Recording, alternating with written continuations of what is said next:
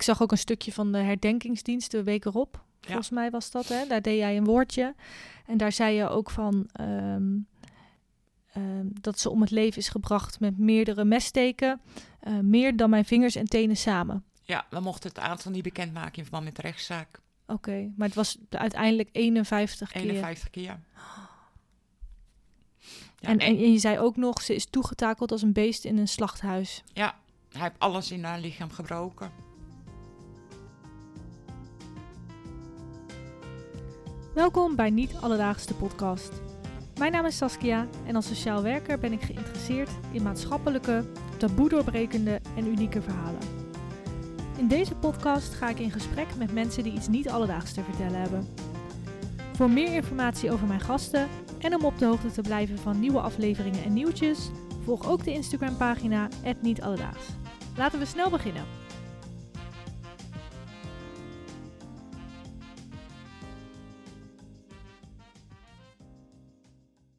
Welkom bij weer een nieuwe aflevering van Niet Alledaags.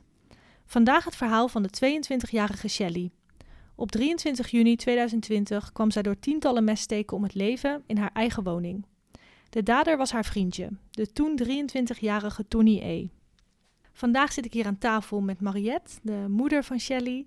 Uh, zij is zo dapper om, uh, om met mij in gesprek te gaan en uh, ja, met ons dit verhaal te delen over, over Shelley.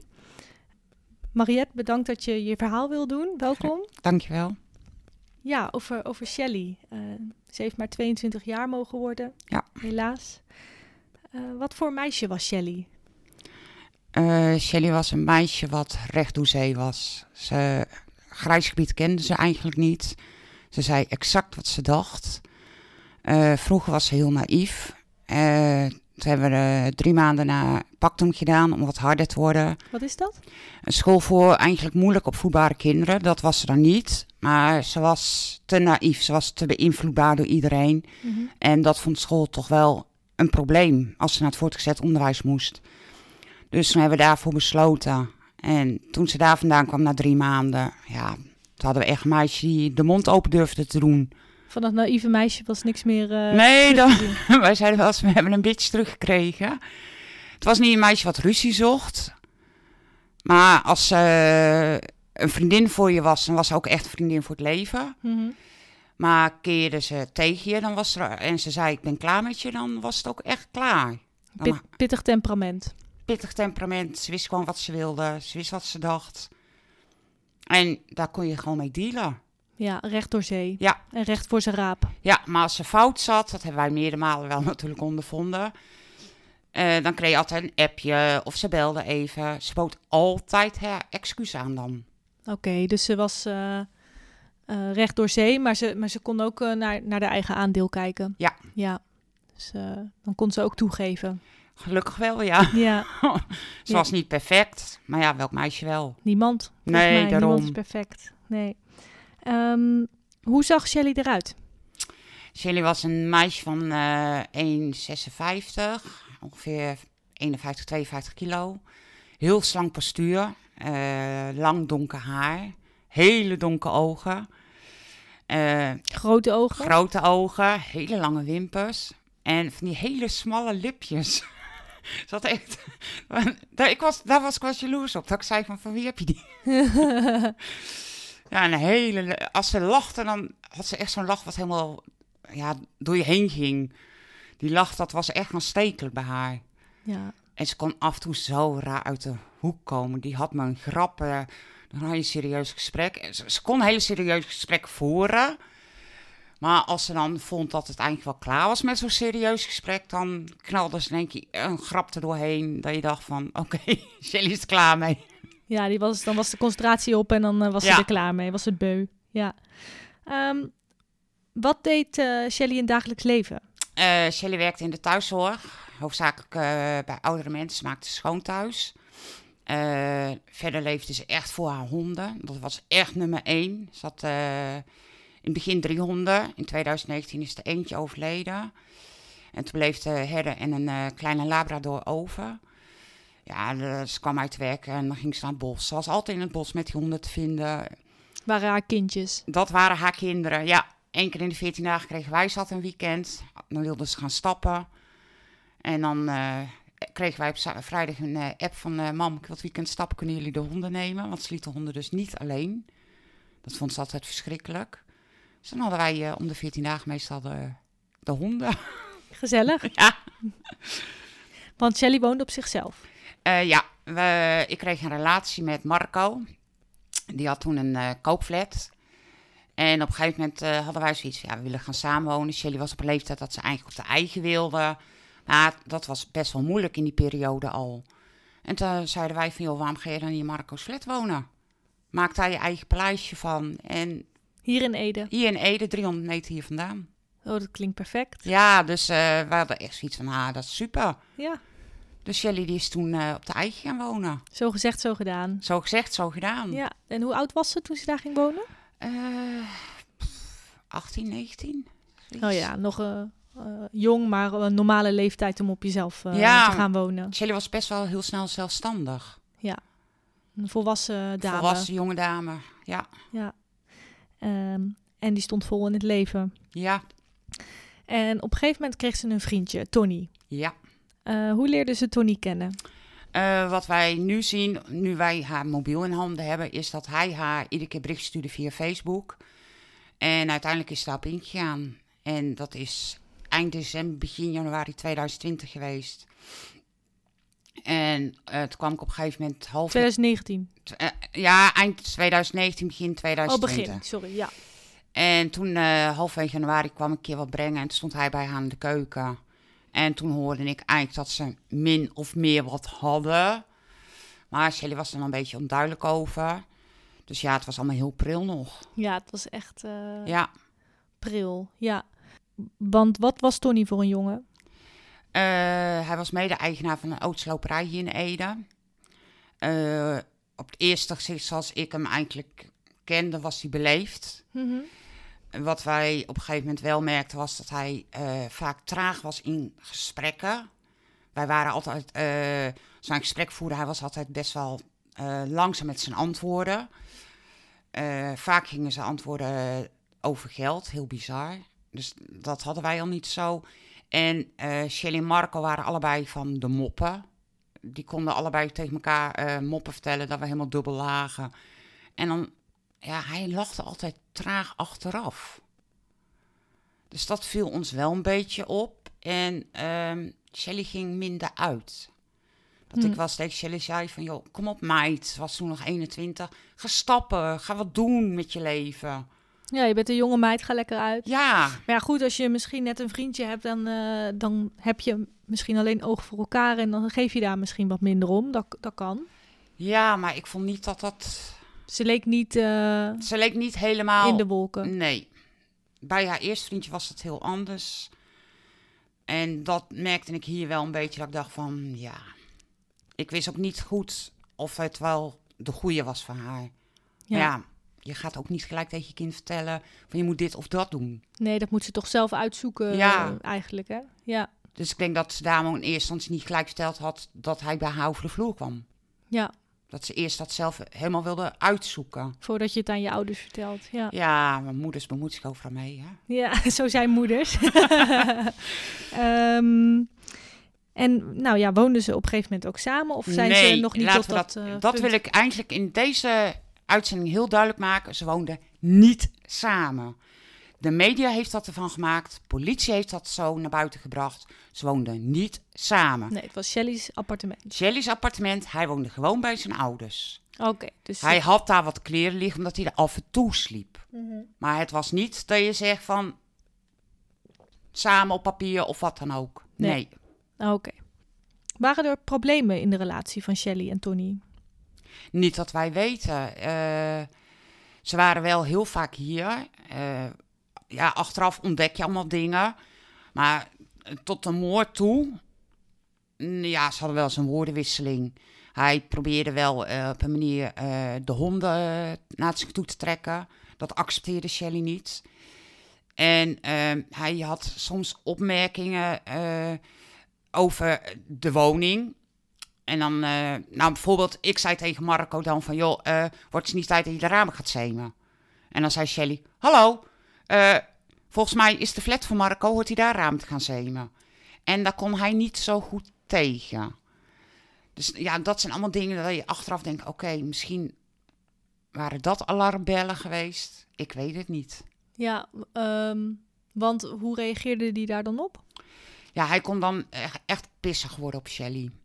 En dan beet Shelly ook wel van zich af. Ja. Ja. Nou ja, goed, en ruzies horen er natuurlijk ook bij, denk ik, eh, af en toe. Of woordenwisselingen, of... eh, ik, Ze- ja. Wat ik uit de apps begrijp, eh, dan stelde Shelly een vraag en dan kreeg ze niet rechtstreeks antwoord. Eh, bijvoorbeeld, hij was op een gegeven moment naar de huisarts. En dan vraagt Shelly van, waarom was je naar de huisarts? Ja, omdat het mijn arts is. Ja, dat zijn antwoorden, daar kon Shelly slecht tegen. Ja, zeg gewoon concreet wat is er Ja. en kan ik je helpen of Ja. ja. En de, ja, dan kon Shelly best wel eh, link eh, uit hoek komen. Met Ja. woorden dan, hè? Ja, ja, precies. Dus het was een, een dame met een temperament en een, een jongen die niet altijd ehm, recht voor zijn raap was en eh, soms wat, wat, wat antwoorden. Hij negeerde soms antwoorden. Maar dat deed hij ook bij ons. Ja, hij gaf gewoon geen antwoord op de vraag. Nou ja, hij zat op een gegeven moment, hoorde ik dat hij al een tijdje thuis liep met een burn-out. En dan vroeg ik, ja, waarom ben je dan met een burn-out thuis? En dan kreeg je een antwoord. Ja, persoonlijk, ik geef dan gewoon antwoord. Kijk, je zit niet voor niks thuis, dus eh, je kan normaal een antwoord geven. Of ik zou dan gezegd hebben, als ik echt niet wil dat iemand anders is, van ja, sorry, praat ik liever niet over. Maar om dan niks te zeggen, ja, nee. Hij zei gewoon niks. Hij zei gewoon niks. Dus ehm, er waren wel wat eh, dingen die jullie opvielen in de communicatie. Ja, Shelly was recht voor zijn raap en wij ook.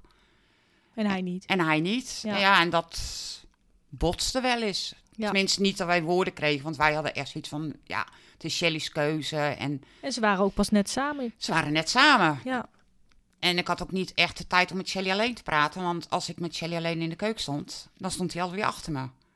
Dus ik kreeg ook niet veel kans. was hij bezitterig? Eh, op dat moment zag ik het niet zo. Na de, hand, na de moord, toen wij haar telefoon in de handen kregen, ja. Ja, toen zag je dat in. Ja. Want voelden jullie iets aankomen? Wij hadden ehm, de laatste week gebeurden wel wat dingen dat wij dachten van oké, dit klopt niet. Eh, bijvoorbeeld eh, de barbecue. We hadden zes kilo vlees. En toen vroeg hij aan ons, is dit alles? En toen zei ik nog, ik heb boven in de vries nog vlees. Met, met hoeveel personen waren jullie? Met z'n vieren. Vieren, zes kilo vlees. Dus Zes kilo vlees, salades. dat is 1,2 kilo per persoon. Ja. Nog meer zelfs. Ja, Dat is wel... dat is pittig. Lijkt, lijkt me genoeg, toch? Ja. en eh, toen zei ik, nou, ik heb boven nog meer. Ja, thuis hebben we biefstuk. En toen, hoorde, toen zei Shelly nog, doe eens even normaal tegen mijn moeder. Ja. En eh, op een gegeven moment, dat was heel stom voor mij, eh, we hadden een soort houten tafel buiten. En had ik steen opgelegd en daar bovenop had ik van die wegwerpbarbecues gedaan. Nooit meer nagedacht dat dat vuur naar beneden kon gaan. Dus op een gegeven moment za- zagen we rook. En die tafel stond in brand. Lux, eh, de zonnescherm hing uit. Shelly begon te gillen, want de honden lagen onder die tafel. Dus eh, mijn vriend als een idioot had scherm omhoog gegooid, water gepakt en hij stond het te filmen. Ja. Ja, en dat waren dingen waar Shelly dus heel slecht tegen kon. ja, was niet echt eh, een helpende hand eh, Nee. in zo'n eh, situatie. Nee. Dat waren allemaal aanwijzingen. En ehm, we hadden het de zaterdag voor de moord. Marco had een barbecue bij zijn vrienden. En ik had een, tatoeage van mijn zoontje op mijn been. En die was een beetje aan het vervagen. Dus ik was naar de tattoo shop. En toen appte Shelly mij van... Mam, je zit dichtbij. Kom je even een bakje doen? Ja, is goed joh. Dus ik daarheen. Hij zit op de bank te gamen. Shelly stond in de keuken. En Shelly vraagt koffie wil. En er liggen fotolijstjes eh, op haar salontafel van foto van haar met hem. En het waren een stuk of eh, weet ik hoeveel, allemaal dezelfde. En ik legde die op de eethoek en het lijstje knapt. Dus ik zei nog tegen Shelly, oh shh. Ik zeg, mama, ik koop wel een nieuwe voor je. Nee, mam, maak je niet druk. Ik heb veertig van die lijstjes. eh, maak je geen zorgen, wel goed. En toen vroeg ze op een gegeven moment aan mij van... eh, ja, zegt ze, eh, eh, ik heb eh, vanochtend brood gehaald, maar ik was mijn pinpas vergeten. Oké. Ja, nu heeft hij eh, met zijn pinpas eh, dat brood betaald voor 2 euro. Maar nou zit hij zit hij het zo dat ik het over moet maken. Dus ik kijk hem aan. Ik zeg, wat? Ze jij eet toch ook van dat brood? Ja, Dus ik was best wel gepikeerd en ik pak 5 euro uit mijn portemonnee en ik geef het aan hem. En toen eh, op een gegeven moment zegt Shelly, mam blijf je ook eten, we eten zwarma. En hij had op een manier een blik naar mij, dat ik zei tegen Shelly, sorry, mama gaat naar huis, mama is moe. je hebt, jij dacht, eh, dit wordt niet gezellig. Nee, dat, dat Je voelde je niet welkom. Nee. Hing een, gespannen sfeer. Ja. En toen kwamen ze zondags, toen eh, was het vaderdag. En ze gingen zondags met zijn familie naar de hei. En toen appten ze van, eh, is goed als wij vanmiddag bij jullie eh, komen koffie drinken? Want ik heb een cadeautje voor vaderdag voor Marco gekocht. Ja, is goed joh. Dus ik zeg, eh, wil je mee eten? Ja. Oké. Ik zeg, wat wil je eten? Ja, lasagne. Ja, best maak ik lasagne. Dus wij zitten te eten en er was al een discussie over het eten. Er was nog één eetlepel over. En Shelly vraagt of ze dat op mag eten. En hij eist de helft. Ja, en dat keerde mij een beetje, want hij was best wel fors en Shelly heel iel. En dan denk ik om één eetlepel, we hadden ook nog toetje. Maar goed, Shelly deed dat. En toen zeiden we op een gegeven moment tegen Shelly van... joh, we moeten eh, toch eens een gesprek gaan voeren, want je vader is vorig jaar overleden... en alleen jij en ik zijn nog over. Hoe gaan we dit oplossen als er een van de twee gaat overlijden? En voordat ik iets kon vertellen over wat ik wilde, vertelde ze precies wat zij wilde. Achteraf denk ik, heeft ze het gewoon aan zien komen? Heeft ze het aangevoeld? Denk je dat? Ja, nou ja, hij vertelde eh, dat er een, eh, ik kan de naam niet noemen, een van eh, de bewuste jongens die die avond er ook was, die zou Shelly bedreigd hebben met de dood. En wij vragen Marco en ik nog van, Shell, klopt dit? Want dan moet je aangifte gaan doen. Dat waren vrienden van Tony. Ja. En, die heeft Shelly bedreigd met de dood. Ja, en toen vroeg ik dat aan Shelly en toen zei Shelly, nee, dat doet hij alleen eh, bij Tony. Nou, lekkere vrienden. Ja, en eh, achteraf denk ik, was dat een leugen? Je en komt- waarom was dat dan? Of weet je dat ook niet? Weet ik niet. We zijn daar eigenlijk verder niet op ingegaan. Omdat Shelly zei, ja, hij appt dat alleen naar Tony. En Shelly had daar ook niks van op haar mobiel staan. Nee. Maar het kwam wel twee dagen van de, voor de moord ter sprake. En dat vertelde ze wel zelf? Of hoe? Nee, dat, eh, ja, Shelly begon erover dat hij dat haar verteld had. Dus dat eh, die vriend eh Shelly met het dood had bedreigd via Tony? Ja. En Tony wist ook niet waarom? Of, Nou ja, we hebben er verder niet op gereageerd. Omdat Shelly zei van, hij deed het niet richting Shelly zelf. Dus wij hebben daar verder ook niet meer op gereageerd. We hebben dit ook, eh, na de moord hebben we dit aangekaart. Van joh, dat is wel raar, want dat gesprek hebben we wel gevoerd op 21 juni. het is een vreemd verhaal. Ja. Dat is twee dagen voor de bewuste dag. Ja, Ehm, want ja, hoe verliep die dag? Hoe verliep 23 juni 2020? de- dat is de dag van de moord zelf. Ja, hoe verliep die dag? Eh, het was die dag best wel warm.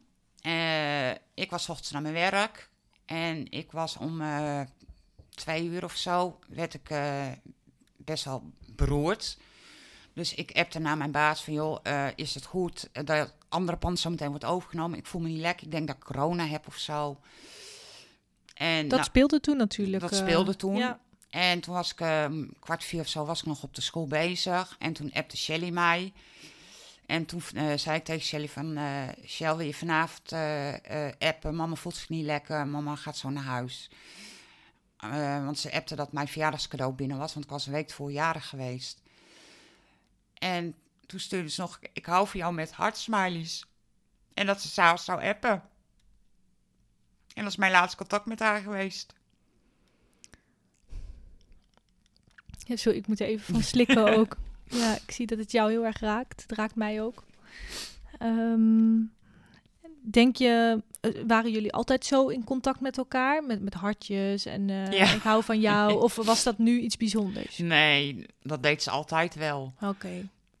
Ze appte bijna ook iedere morgen. Goedemorgen, mama. Jullie hadden een sterke band. Ja, al ontkent zijn familie dat, terwijl ik het allemaal kan aantonen. Wij hadden dagelijks contact, eh, behalve als we een keer woordenwisseling hadden. Dan Ja, was het wel eens en- een dag zwijgen. Ja, en nou ja, en ze woonde ook in het appartement van Marco. Dus Ja, als, je, als je niet goed bent met je ouders of met, eh, met je moeder en partner, dan, trek je wel eens een dag terug. dan doe je zulke dingen misschien ook niet. Maar we hadden echt stomste appverkeer over de was of weet ik veel. Maar diezelfde dag hadden jullie dus nog contact gehad. Kwart voor vier 's middags. Kwart voor vier 's middags. En toen? Toen ben ik naar huis gegaan en ik was op de bank gelegen. Marco komt thuis. Daar hebben we eten besteld. Ik weet nog precies wat ik die avond gegeten heb. Marco had patat besteld met milkshakes. En dat viel dus echt heel verkeerd. En om tien voor half zeven zit op de bank. Eh, er komt vanaf Shelly's mobiel alleen een foto van een brief die van Marco bij haar binnen was gekomen. Oh ja. En dat vond ik achteraf wel raar. Want Shelly vroeg niet hoe het met mij ging. Terwijl ze wist dat ik me niet lekker voelde. Geen berichtje of iets erbij. Alleen niks. de foto. Alleen de foto van, van die brief. En ik ben naar bed gegaan en om kwart over negen komt Marco gillend naar boven dat wat mis is bij haar flat. Want een vriend uit Zetten heeft een foto gezien van Shelly's appartement op internet. En dat, Dat was- stond al op internet. stond al op internet. En ehm, wat, wat, met wat voor context? eh, dat er een dode was gevonden. En dat de, de- jullie wisten heel bewust dat is de flat van Shelly. Ja, Shelly eh, had een, eh, in de keukenraam een eh, wit t-shirt hangen met een groot eh, rood hart erop voor de zorg. Die vroeg toen voor de corona net. Oh ja, Dus we herkenden de geen appartement. twijfel mogelijk. Geen twijfel. En toen? Eh, ik weet nog dat ik eh, op mijn de auto ingesprongen ben. En we kwamen aanrijden. En het enige wat we zagen waren zwaailichten. En we staan midden op de Jan Torenplaan. Ik ben de auto uitgesprongen. Marco die ging de auto wegzetten. En ik word tegengehouden. Door agenten. En achter de unit zit zijn moeder al. En dan kijk je naar boven en dan hoor je al van de media, er zijn drie jongens afgevoerd. Ja, dan, Ik vind het toch ongelooflijk dat, eh, dat jullie dat via de media moeten horen. Of via, via online, eh, ja die eh, agent zegt ja, media, via is- via. media is sneller. Ongelooflijk. En hun zeggen, wij wisten op dat moment niet haar identiteit. Nou, dat is onzin. Iedereen wist van wie die flat was in de flat. Dus de identiteit was veel sneller te achterhalen geweest. Ja. En, ehm, maar jullie wisten toen nog niet wat er echt was gebeurd. Nee, wij, eh, zijn moeder zat achter de unit en eh, ik bleef nog heel aardig. En toen zei de agent van, eh, we brengen u over naar het politiebureau. U moet hier weg, want heel veel media stond er ook. En we zijn overgebracht naar het politiebureau en daar hebben wij tot eh, tien over elf zitten wachten. Zonder koffie, wat dan ook, zonder informatie. En om 14 over elf komt een familieregisseur naar mij. We hebben foto's binnen. U moet haar identificeren.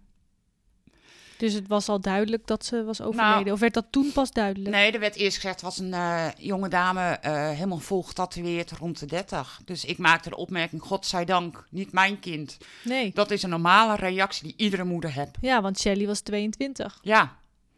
En dat is helemaal niet dat ik het een ander gun, maar je hebt dan nog hoop voor je eigen kind. Tuurlijk. Haar mobiel was inmiddels online gegaan. Nou, achteraf bleek dat politie geweest te zijn. En dan Oh. heb je nog hoop. En dan in één keer moet je gaan identificeren. En dan krijg je een zwart-wit foto van haar tatoeages. En dat was een Arabisch tatoeage, had ze op haar binnenarm staan. Dat was de sterfdag van haar vader. Kon niet missen. Kon niet missen. En dan bevestigen dat ze is overleden. Maar dan hoor je nog eigenlijk niet wat er is gebeurd. Want wat gaat er dan door je heen? Nou, we hadden geïdentificeerd en zei die agent, u kunt naar huis. En wij stonden elkaar aan te kijken. En zijn ouders zaten naast ons hè, toen wij moesten identificeren. Dat vond ik ook zo bizar. Zijn ouders zaten er gewoon bij. De politie zei, ja, maar jullie gingen goed met elkaar. Pardon? Ik ken die mensen verder helemaal niet. Nee, want had je die mensen wel eens gezien? Ja, ooit een keer dat ik via Facebook wat gekocht had bij hun. Oh ja. Maar niet dat wij contact hadden. Ik had ze niet eens op mijn app. Maar je, toen wist je nog niet dat Tony de dader was. Nee. En toen werd, eh, zei zijn vader nog... eh, En tegen- wisten zijn ouders dat wel? Nou, zijn vader zei: eh, Ik twijfel aan Tony's onschuld. Dat wordt nu ook teruggetrokken, maar dat zei hij wel. Dus hij sloot het niet uit. Hij sloot het niet uit. En nu wel. Nou ja, ik dacht, ik had een heel scenario van: joh, er zijn er drie gearresteerd, twee jongens die wij niet kennen op dat moment nog. Waarschijnlijk zijn die naar binnen gedrongen, hebben Shelly wat we willen aandoen. Hij is ertussen gesprongen om Shelly te verdedigen en er is wat gebeurd. Ja, want hoe, Zoiets had ik in mijn hoofd. ja, want hoe is het uiteindelijk echt gegaan? Ehm, wat wij zien aan Shelly is, ze had haar verfkleren aan. Dus ze heeft zich na haar werk omgekleed. Haar verfkleren. Ja, Want ze wilde... ze wilde de keuken verven. Oké, ja. En eh, ze heeft eten gekookt, dat zien we ook. En toen is ze, waarschijnlijk hebben ze gegeten. En eh, je hebt in haar keuken had je een ouderwetse kolenkast. Dat is ongeveer anderhalf meter bij 50. Daar had zij ehm, links de koelkast staan, rechts de wasmachine. Aan haar mond, want ik heb haar mond geopend, eh, kan ik zien dat ze nog voedsel in de mond had. En waarschijnlijk is ze naar de koelkast is gaan lopen voor een toetje. Tijdens het eten. Of eh, ja, ik denk net dat ze na het eten. net na het eten dat ze een toetje heeft willen pakken. En waarschijnlijk is hij opgestaan en is naar die kast gelopen. En heeft daar, terwijl zij hem aankijkt, zes keer met de hoofd tegen de muur aangegooid. Met haar achterhoofd. Met de achterhoofd. En toen is ze naar rechts ge- gevallen. En is tussen de wasmachine en de betonnen muur vast komen te zitten. Toen heeft hij er gewurgd, gesmoord. Hij heeft de tongbeen gebroken. En vervolgens met een aardappelschilmesje gestoken. Die brak af. Toen heeft hij een boterhammes uit de laag gepakt. Die brak ook af. En toen heeft hij ongeveer anderhalve meter zich omgedraaid in de keuken. Heeft hij een andere kast geopend. Daar onderin stond een eh, slagersblok. Heeft hij een slagersmes uitgehaald. En 51 keer gestoken. 51 keer gestoken. Ja. En wat we kunnen zien, heeft ze ook wat blauwe plekken in haar gezicht. En toen heeft hij de knieën naar binnen gedrukt. Deur dicht gedaan. En het handvat op de aarde gelegd. En er laten liggen. Het handvat van het mes. Nee, het handvat Of- van de deur. Oh, van de deur. Jeetje, Mina. Ik, eh, ik weet even niet wat ik moet zeggen. Nee, dat weten we weten we niet. Nee, het is eh, zo gruwelijk dat ik eh, me er bijna geen voorstelling van kan maken. Het lijkt een horrorfilm. Ja, nou ja, dat, zei de recherche ook. Ze zeggen, we hebben een van de weinige gevallen waar we echt hier zijn zo van geschrokken. Ja, want ehm, ik zag ook een stukje van de herdenkingsdienst de week erop. Volgens mij was dat, hè? Daar deed jij een woordje. En daar zei je ook van ehm, ehm, dat ze om het leven is gebracht met meerdere messteken. eh, meer dan mijn vingers en tenen samen. Ja, we mochten het aantal niet bekendmaken in verband met de rechtszaak. Oké, maar het was uiteindelijk 51 keer. 51 keer. Ja, en, en, en, en je zei ook nog, ze is toegetakeld als een beest in een slachthuis. ja, hij heeft alles in haar lichaam gebroken.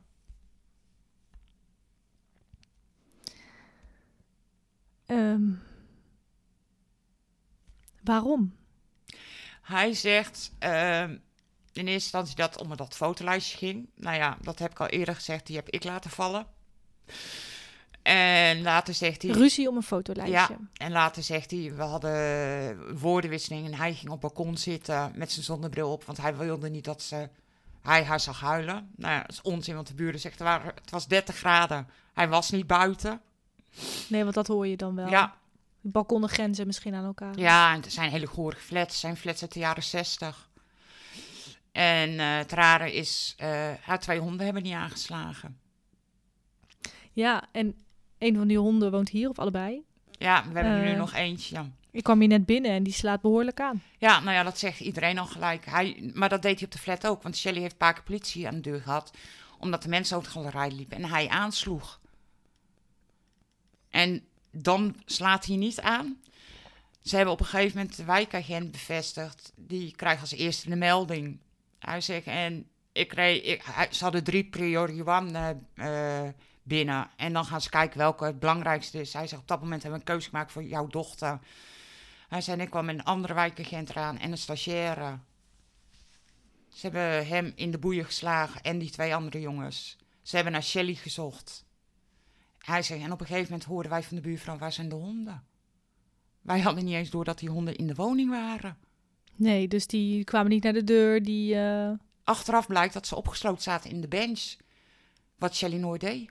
Shelly sloot nooit die honden op, nooit. Maar ze hebben ook niet aangeslagen. Ze hebben ook niet geblaft, nee. Hoe kan dat dan? Eh, achteraf eh, Wij, Charlie, het kleintje, die had een gat in de tong. Die had morfinetabletten. En eh, op een gegeven moment zei Shelly tegen mij... Mam, Charlie wordt sloom van die tabletten, eet niet. Dus ik zei, nou, weet je wat je moet doen? Leg die morfinetablet in de la. Als pijn hebt, geef ze het wel aan. En dan kun je altijd een klein stukje geven. Die morfinetabletten waren weg. Maar daar kwamen we pas twee weken na de moord achter. En de politie had vergeten de honden op bloed te onderzoeken. En achteraf zeggen meerdere agenten... een herder die zomaar meeloopt met een agent... gebeurt eigenlijk nooit. Dat doen herders niet. Nee, een herder heeft één baas. En dat was niet de politie. Nee, dat en was niet... dat was ook niet Donnie. Nee, dat was Shelly. Ja. Ongelooflijk. Ehm, maar ja, eh, om het verhaal even compleet te maken.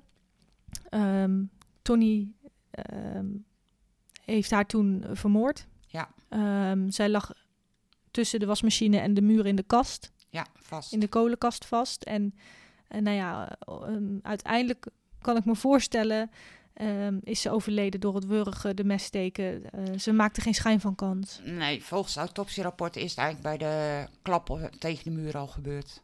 Oké, Heeft ze hersenletsel opgelopen. ik hoop dat ze dan eh, niks meer mee heeft hoeven maken van wat daarna nog volgde. Volgens, auto, eh, volgens de, ja, die man die de autopsie doet, niet. Oké, Heeft ze dat niet bewust mee kunnen maken. Hij zegt in zijn verklaring... eh, dan wordt gevraagd van waarom ben je doorgaan. Ik moest zeker weten dat ze dood was. Hij verklaart, hij zegt, ik hoorde nog een snik. Ik hoorde nog haar huilen. Dat is niet waar, want dat is de lucht uit je longen. dat heeft hij geïnterpreteerd als een snik. Ja. Maar wat ik hem heel kwalijk neem, is dat hij zegt... Ik moest zeker weten dat ze dood was. Hij woonde daar niet. Hij had, toen hij ruzie kreeg, gewoon de deur uit kunnen lopen. En dan verklaart hij in de rechtbank, dat mocht niet van haar. Dus dan vermoord je haar maar. Ja, dat... eh inderdaad, Da- ik moest zeker weten dat ze dood was. Dat klinkt... eh, Ja, maar dat zegt zijn advocaat in de rechtbank ook. Ja, eh, als zij er niet geweest was, was dit niet gebeurd. Het was haar woning. Ja, als zij er niet geweest was, was het niet gebeurd. Dat is lekker makkelijk inderdaad. Ja. Zo werkt het natuurlijk niet. Jongen. En volgens Pieter Baan is de 90 kans dat hij het weer gaat doen als hij vrijkomt. Want hij toont tot op de dag van vandaag nog steeds geen berouw. Geen berouw. Nou ja, daar komen we later op. Ehm, wie zijn die andere twee jongens in het plaatje? Want jij vertelt, eh, dit, is, dit, dit is zo eh, gebeurd. En toen? Wat heeft Tony gedaan? Heeft hij zelf de politie Nee. gebeld? Eh, Hij, eh, is op de bank, hij is zich eerst gaan eh, wassen en omkleden. Eh, toen is hij op de bank gaan zitten roken. Toen heeft hij uiteindelijk eh, een vriend van hem gebeld. Die is gekomen. Eh, hij zegt ook nog van, eh, dat de bel het niet doet of zo. Dat hij aan moet kloppen op de voordeur. Met een lachende smiley. Dan heb je net een moord gepleegd, hè?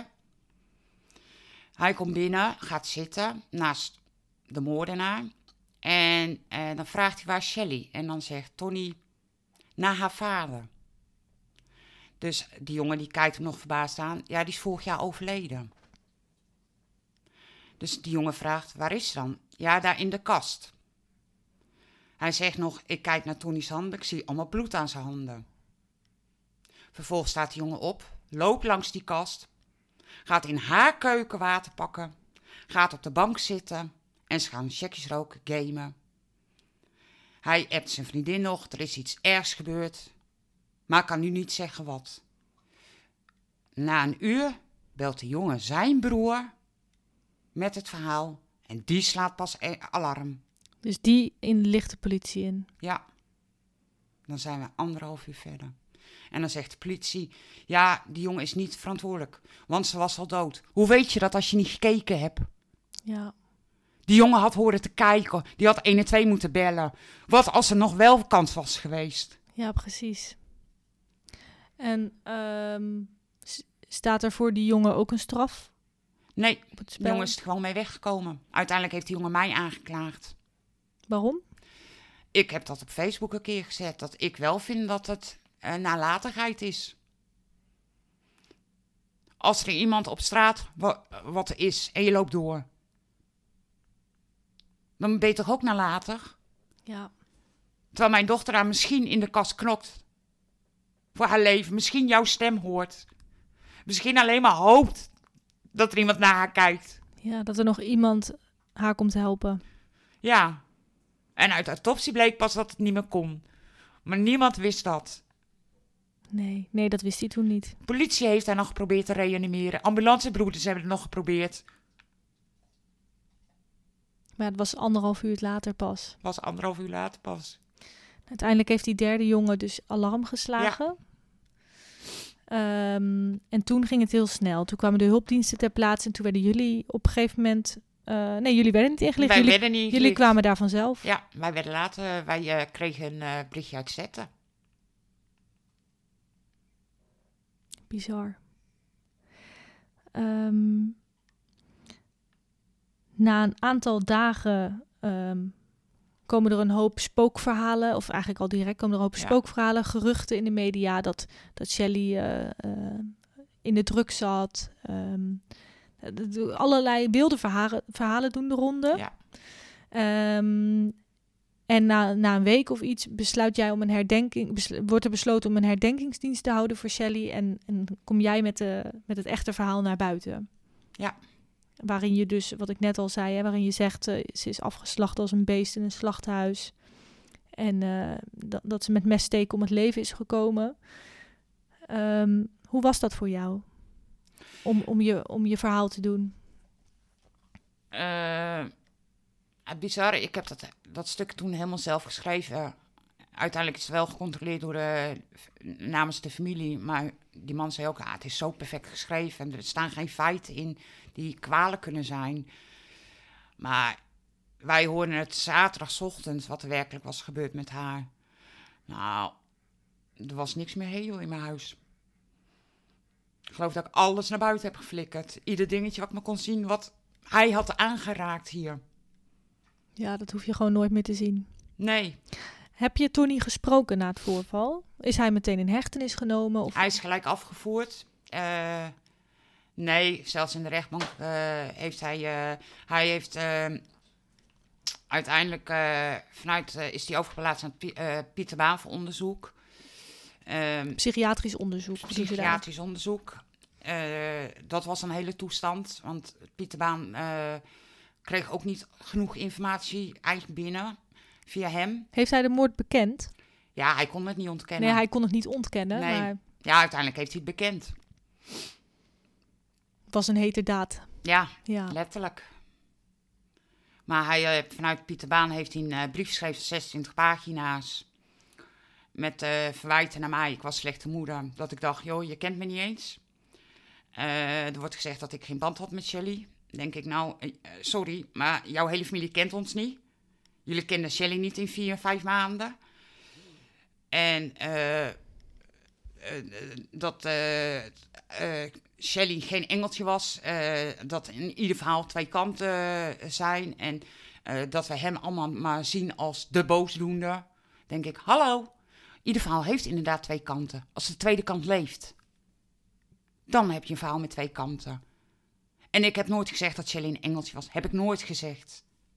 En dat zal ik ook nooit zeggen. Want niemand is een engel op aarde, want anders hadden we een hele leuke aarde gehad. Ja. Maar om mij zo'n brief te sturen vanuit het Pieterbaan, wat strafbaar is in Nederland, en dat het hem toch lukt, Heb je wel lef. dan heb je wel lef. En dat vlak voor de kerst. Ehm, in de rechtbank hebben jullie Tony gezien? Ja. Hoe is dat gegaan? Ehm, het was een zwaar beveiligde rechtszitting. Eh, ik weet nog, eh, op een gegeven moment moest naar de wc. Zijn familie kwam aan de andere kant binnen en kwamen richting ons. Nou, ik heb echt, ik werd door twee beveiligers de wc inge.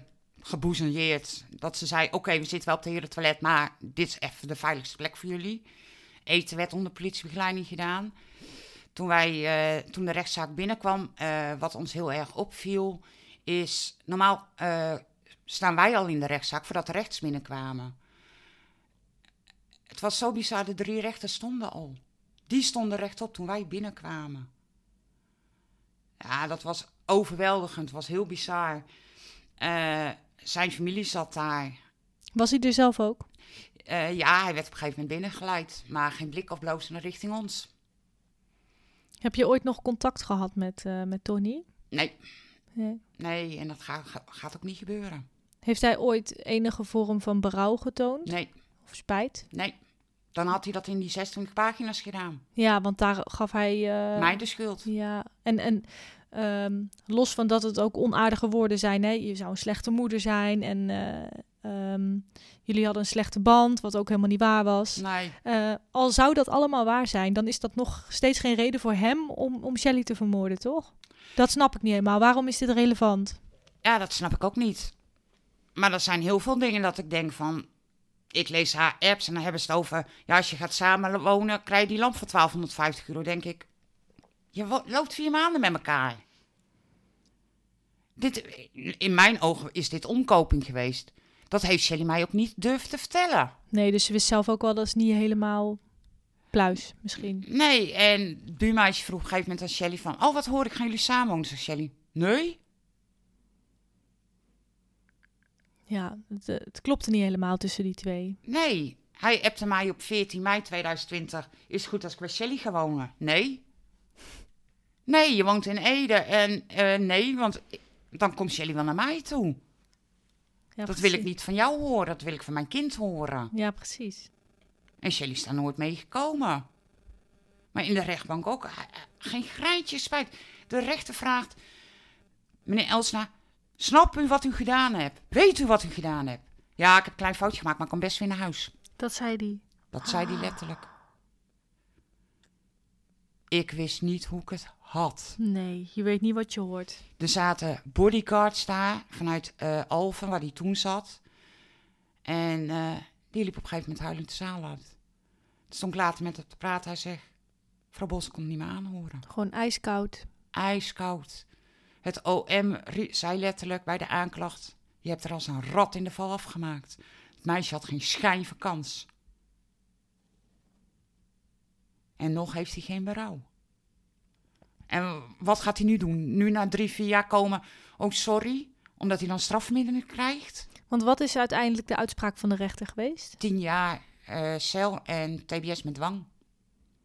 En hoe lang krijgt hij TBS? Of, eh, Dat is onduidelijk. Het wordt, iedere twee jaar gaan ze dat dan bekijken. oh ja. Maar de rechtbank vroeg ook van, kunt u met uw bedrijf uit Ede vertrekken? En toen zegt hij, nee, ik ga wel in Veenendaal wonen. Het enige wat wij vroegen, vertrek uit Ede. Je hebt ons alles al afgepakt. Want dat was jullie eis. Dat hij. Het eh, enige wat wij willen is dat hij niet meer terugkomt in Ede. Wij hebben al geen tweede kans. Hij krijgt tweede kans. Het enige wat wij willen is rust. ja, En niet hem tegenkomen. Nee. En, en wordt jullie wens eh, gehonoreerd? Wordt er naar geluisterd? Nee, Nee? nee. We mogen niet eens zeggen dat hij mede-eigenaar is. Terwijl als je zijn naam in toetst, rolt het zo van internet af. Hoef je niet veel voor te doen. Ik mag nergens zijn naam noemen. Ik mag hem geen moordenaar noemen. Wat is hij dan? Heilig boontje? Ja. Als jij moord hebt gepleegd, ben je moordenaar. Hoe zien jullie de toekomst voor je? Is iedere dag gevecht. De ene dag gaat wat beter dan de andere dag, maar je bent er dagelijks mee bezig. Ja. Het is ook nog zo kort geleden. Nou ja, Het is bijna drie, eh, drie jaar. ja, hè? bijna drie jaar. Ja. Nou ja, ik loop bij een psycholoog en dan zeg ik ook tegen hem, ik wilde weer appen, ik wilde bellen. Ik zeg dat gevoel. Het enige waar ik heel bang voor ben, en gelukkig hebben we geluidsopnames, dat ik haar stem vergeet, haar geur. En dat neem ik hem echt allemaal heel kwalijk. Ja. Hij had de kans om weg te lopen en heb het niet gedaan. Ja. Hij zegt alleen maar, ik wil geen TBS, want dan krijg ik een stempel. En toen reageerde ik, die stempel heb ik dankzij jou nu ook. Ik ben altijd de moeder van. Ja. Het enige wat ik zou willen is dat zijn familie naar de foto's kon kijken. En dan door, door hebt wat hij werkelijk heeft aangericht. Ja, want ehm, ik heb de foto's net mogen zien. Ik schrok er heel erg van. Het zijn de foto's van ehm Shelley na eh, het overlijden, vlak na het overlijden. Waarop je duidelijk eh, het toegetakelde lichaam ziet. Eh, een hoofd vol blauwe plekken, armen, handen, alles. Overal zit snijwond. blauwe plekken, snijwonden. Ze had eh, achter in het hoofd een gat van ongeveer 2 bij 3 centimeter. Dus flinke Jaap. Dat wij haar haren niet meer konden komen. Ja, Zelfs Minuta schrok. dat is de uitvaartverzorger. Ja. ja. Ja, die schrok ook. Die zei, ja, ze hebben echt alles dicht... De borst hebben ze dichtgeplakt. Het was 30 graden, dus ja, ze moesten wel. Zouden we... Ja, dat is niet goed voor het lichaam. Nee, mag niet. eh, nee. Nee, want ze zouden eigenlijk ook het lichaam eerder overbrengen naar Minuta, maar dat wilde ik niet. Ik heb gezegd, ze blijft tot het laatste moment bij mij. Ja, zo lang als het kan. Ja. ja. Hebben jullie een mooie uitvaart gehad? Ja, we hebben precies wel gehad zoals zij het beschreven had. Het was heel indrukwekkend. Eh, ik heb gelukkig de beelden, dus ik kan een hoop terugkijken. Maar achteraf ook daar weer mensen die eh, overgestapt zijn naar de moordenaar. Die hier de kist hebben staan sluiten. Hoe bedoel je dat? Eh, ik had een zogenaamde vriendin eh, van 25 jaar, die heeft hier de kist is bij de crematie aanwezig geweest en staat in één keer achter zijn familie. Want zij zegt dat wij in appverkeer dat ik het over zijn familie heb gehad. Dat is helemaal niet waar. Dat lijkt me nog wel even een trap na van iemand waarvan je denkt. eh, Ja, en dan denk ik, als jij dat vindt en dan gaat die familie op eindelijk de waarheid. Welke waarheid? De feiten liegen niet. De Nee. foto's ook niet, hè? Ja, ongelooflijk. Wat ik vreselijk vind eh, voor jullie is dat je je dochter bent verloren, maar ehm, eh, nu nog steeds ehm, het verhaal zo moet verdedigen en de, de onschuld moet verdedigen. Ja, ik denk dat het pas als de familie van hem werkelijk naar de foto's komt kijken en het besef heeft wat hij werkelijk heeft aangericht, dat ze dan pas snappen waar wij het over hebben. En al die mensen, die andere mensen ook. Ik heb toen ook op een gegeven moment op Facebook gezegd, wat als jullie straks dochters hebben en de moordenaar komt vrij, laat je je dochter bij de moordenaar alleen naar huis? Of ga je dan pas beseffen wat voor risico je gaat lopen? Ja, En dan hoor je niemand. Nu is het allemaal, oh Tony, gefeliciteerd met je verjaardag. Oh Tony, eh, lekker bij jou op bezoek. Je moet je doodschamen dat je in de gevangenis bij je kind op bezoek moet. Ik weet nog dat de media toen aan mij vroeg, welke schoenen zou je het liefste staan? Die van zijn moeder of in je eigen schoenen? Ik zeg, de enige keer wanneer ik in zijn schoenen wil staan, is dat ik haar stem had kunnen horen. Had kunnen aanraken zoals hun nog kunnen. Maar de titel dat ik de moeder ben van de moordenaar? Nee, dank je. Dan verlies ik liever mijn kind.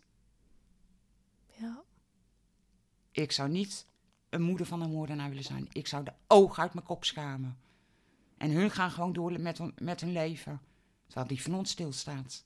ja. En jullie krijgen Shelly nooit meer terug. Wij krijgen hem nooit meer terug. Hun krijgen een tweede kans. En het enige wat wij vragen, laat hem niet terugkomen in Ede. Dat is het enige wat wij willen. Ben je dan tevreden? Als hij niet meer terugkeert Mhm. in Ede, ja. Dan kan ik gewoon mijn ding doen. En niet over mijn schouder hoef te kijken dat hij hier ooit komt. Laten we het hopen. Ik hoop het. Ik hoop het ook. Mariette, heel erg bedankt voor je, voor je heftige verhaal. Ik, eh, het raakt mij ook. Ik, Ja, ik, zie, zie het. ik, zie dat, ik zie dat het jou ook raakt. Het Ja. is een, eh, je, je vertelt het met ehm, toch zoveel vuur. En eh, ik zie zoveel liefde voor je kind. En eh, ja, dat vind ik ergens ook heel mooi om te zien. Ik denk dat Shelly heel trots mag zijn op zo'n eh, Ja, maar ik denk dat Shelly ook vooral op hoopt. zo'n gepassioneerde moeder. Nou ja, ik hoop gewoon dat mensen die dit horen. En die ooit de kolder in hun kop halen. om iemand wat aan te doen. Dat is tien keer nadenken wat ze nabestaanden aanrichten. Ja, precies. Een moord is dit echt niet waard hoor. En het leven van een 22-jarig meisje afnemen. Ja, dat zou bij mij er nooit in kunnen. Nee, Dat zou ik nooit kunnen begrijpen. ik ook niet. Nee. Nee. Is maar goed ook. Mijn psycholoog zegt, als wij in de schoenen van de moordenaar kunnen sta- staan, zijn wij net zo slecht. Wij mogen niet begrijpen wat hij gedaan heeft. Nee. Het is ehm, voor ons eh, niet te bevatten. Nee, Ja. hij zegt, psycholoog noemt het letterlijk. eh, ik vraag heel vaak, ik wil hem begrijpen. En toen zei mijn psycholoog, als je achter een moordenaar staat en je begrijpt hem, zit er ook een moordenaar in jou. Hij zei dus, begrijp hem maar niet. Nee. Oké, dan sluiten we bij deze het verhaal af. Heel erg Ja. bedankt. Graag gedaan. Ehm, ik heb nog een laatste korte onderdeel. Ehm, normaal is dat een wat ge- gezelliger onderdeel, maar ik vind het ook vreemd om nu van zo'n enorm heftig verhaal zonder een, eind, zonder een, een positief einde ehm, toch over te gaan. Maar ik wil het toch doen. Ik heb een, eh, een tasje voor je. De tas van Sas is dit. Oh, wat leuk. eh, van de podcast. En daar zit een, eh, een kleinigheidje voor je in. Ehm, omdat ik heel dankbaar ben dat ik bij jou hier op bezoek mag komen. Ehm, oh, wat lief. Oh, dat vind ik echt lief. En er zitten nog twee, of een paar kaartjes in met een paar stellingen. En dat zijn dilemma's van Dilemma op dinsdag. Kan je het lezen? Heb je je bril misschien nodig? Ik heb geen bril. Oh, zal ik ze voorlezen Ja, dan? lees jij maar voor. Het zijn eh, eh, dilemma's, ehm, onzinnigheden. En eh, dan moet jij van de twee moet je er een kiezen. Bijvoorbeeld, ehm, je hoort altijd het geluid van een stofzuiger in je hoofd. Of je mag alleen nog maar ronde dingen eten. Neem ik ronde dingen eten. Ja, de, die andere zou je behoorlijk gek van worden, denk ik. hè? Ja, maar die ronde dingen, dan zie ik lekkere bonbons en taartjes. Dat is helemaal geen slecht idee.